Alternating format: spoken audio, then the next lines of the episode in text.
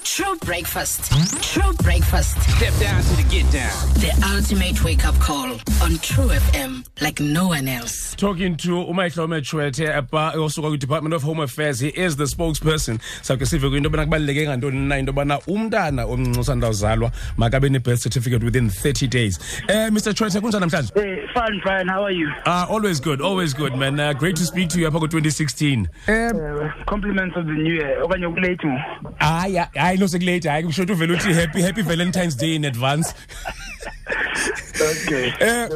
Mr Tshwethe nilisebe mm, i-Department of Home Affairs sivile into yobana kuthiwa abantwana funeka baregistarishwe within 30 days of ukuzalwa and loo nto leyo eso sigqibo kwafikelelwa kuso kwi-Births and Deaths Registration Act yanga-1992 kubaluleke ngantoni uba umntu enzelwe i-birth certificate within those 30 days Yeah, I think the the first thing I must do is um, speak to ingxaki besinayo as a result of the late birth registrations.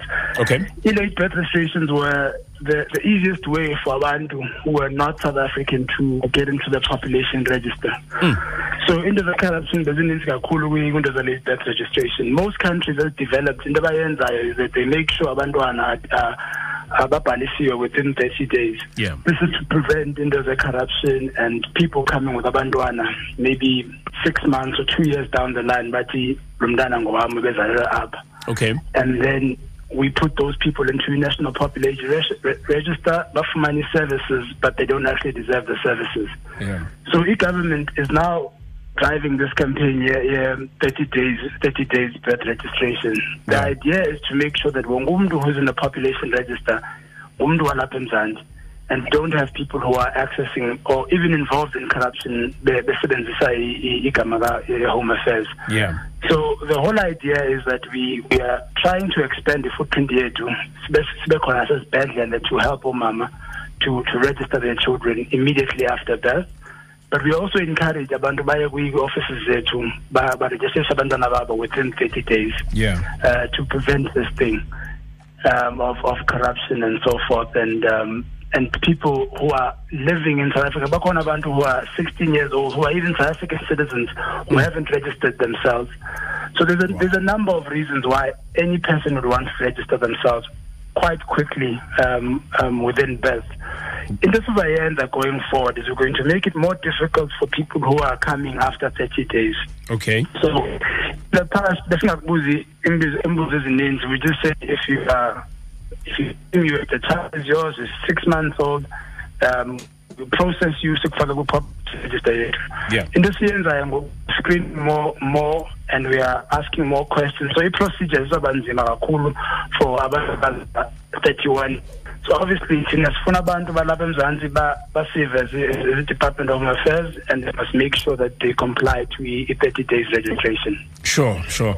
Now uh, abantu abangawuthobeliyo ke ngokulo mthetho lona um zithini consequences for bona Mr Tshwethe? kuzoba nzima kakhulu for bona to to actually get onto the national population register so after 30 after 30 days umuntu uzawubuzwa more questions and they are going to have a harder time to access that national population register Okay. um we we we have heard abantu besithi sometimes abantu bahlala kude and they're not able to to reach offices zethu but sinazo ne-mobile units in, in various provinces eastern cape kzn ezikwazi uhamba ziye kwi- kwiindawo ezi- ezikude kakhulu ezi- ezilalini Yeah. uh, zibhalise abantwana siyazenza zonke ezo zinto but after 30 days surely umuntu uzoyana sesibhedlele nomntana so they, they, they, they actually is no excuse for umuntu angabhalisi umntana within 30 days Sure.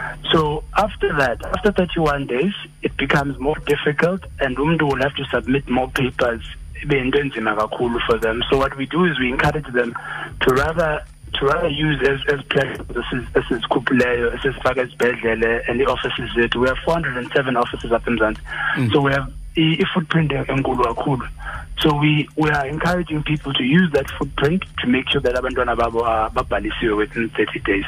Um just uh, g- quickly nobona nje zintathu Mr Tshwethe um what are some of the corruption issues enifacana nazo with abantu abangaregisterishwanga I mean obviously ngiyayazi into ye child trafficking could possibly be one of them but um zeziphi ezinye eni- eni- eni- enithi nidibane nazo i- i- i- forms of corruption when it comes to um non registration ye South Africans Well, there's, there's, there's various forms. I mean, inter-child trafficking enkulu kakhulu and it's Yeah. something that, that that's very worrying. yeah because uba umntana akabhaliswanga and akabhaliswanga and to the point where thina siyabazi the-department abazali bakhe uh, anybody can leave with a child uh, and cross the border in the past that's why sifake as, as visa regulations yes that, that demand i- i-permission yabazali before a child leaves uh, south africa Yeah. so there's that element and then also the corner into ye i-services i-social services zalapha e-south africa ziyafunwa kakhulu by a number of people outside of the country who might not deserve them. The fact that abantwana bethu thina siyabafundisa we, we have um, grants we have a number of things esizenzayo uh, as social services. So abantu they want to access those social services. So there's also that issue of abantu who are not south african who are trying to be put on the national population register. So we have to guard against that element too uh, there's a number of issues that we are facing reduction of convenient marriages. Yeah. Abantu bachate just so that they can uh, access uh, the. Yeah. So there's a number of issues that we are trying to prevent. We are trying to make sure that e legislation is the only way um, a person can come into the national population register. Once you're in the national population register, you're a citizen of South Africa. Sure. And then you have the right to all these services that um, enjoy. So we are trying to make sure that e-30 days that it becomes the only way that people enter the national population register.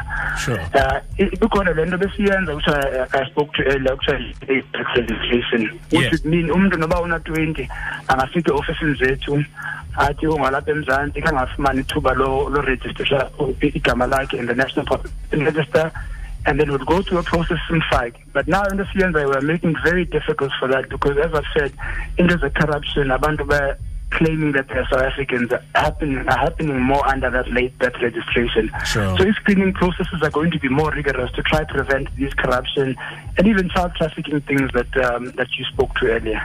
Mm, mm. Mr. Tshwethe, masibambe ngazo zozibini. Um, September, you, you're obviously going to lead by example. Uh, you recently got married. you recently got married. So I want to know, where are you going to register your little one?